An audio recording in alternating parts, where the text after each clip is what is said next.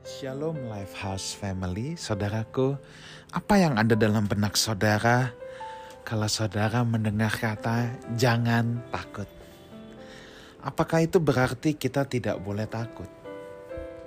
Pertanyaan lebih lanjut lagi, apakah mungkin manusia hidup tanpa ada rasa takut?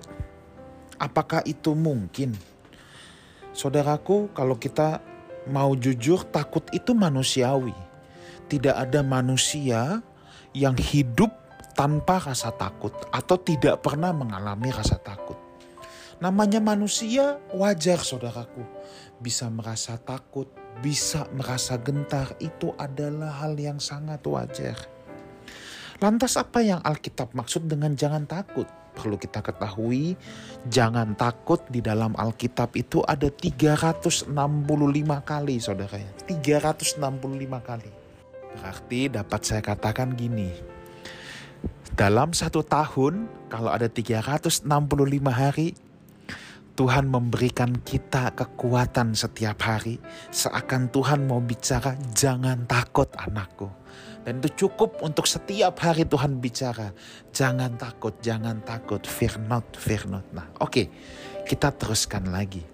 Lantas kalau Alkitab bilang jangan takut, tapi di satu sisi lain kita manusia. Wajar, kita pasti bisa punya rasa takut juga saudara. Jadi bagaimana itu saudara? apakah kita boleh takut atau tidak. Nah, saudara, yang tidak boleh adalah dikuasai ketakutan. Dikuasai ketakutan itulah yang menjadi masalah. Kalau takutnya sendiri itu adalah hal yang manusiawi, tetapi kita tidak boleh tenggelam dalam rasa takut itu.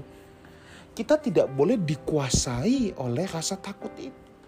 Harusnya kita yang menguasai rasa takut kita ketika kita bertemu dengan situasi yang menggentarkan, kejadian-kejadian yang menakutkan, justru kita harus berkata, "Aku tahu situasi ini mengerikan, tetapi Tuhanku lebih besar daripada semuanya. Tuhanku lebih berkuasa daripada semuanya." Jadi nggak masalah kalau manusia takut, namanya juga manusia. Tetapi yang jadi masalah kalau kita sudah dikalahkan atau dikuasai oleh ketakutan itu. Itu yang menjadi masalah.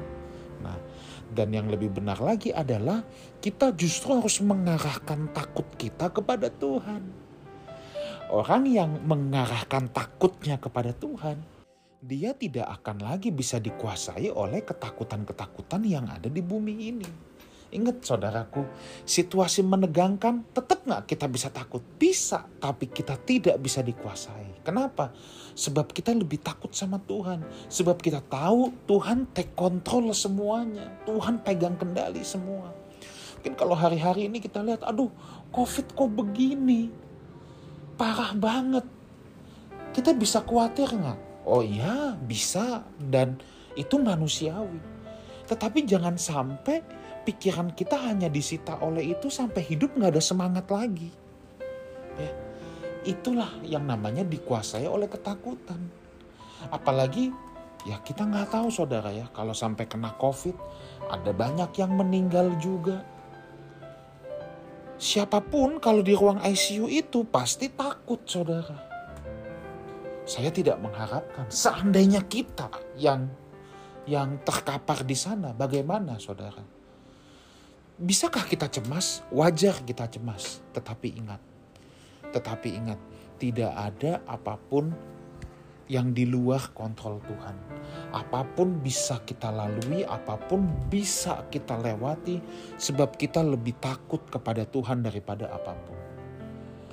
Orang takut menghadapi kematian, wajar nggak wajar?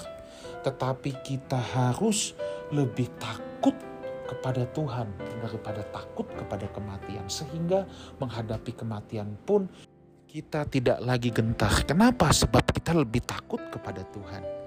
Ya, saudaraku, mari jangan takut. Demikianlah yang Tuhan ingatkan kepada kita. Ada 365 jangan takut. Artinya setiap hari cukup untuk Tuhan berkata kepada kita semua. Jangan takut. Hendaklah takutnya kita kita arahkan kepada Tuhan. God bless you all.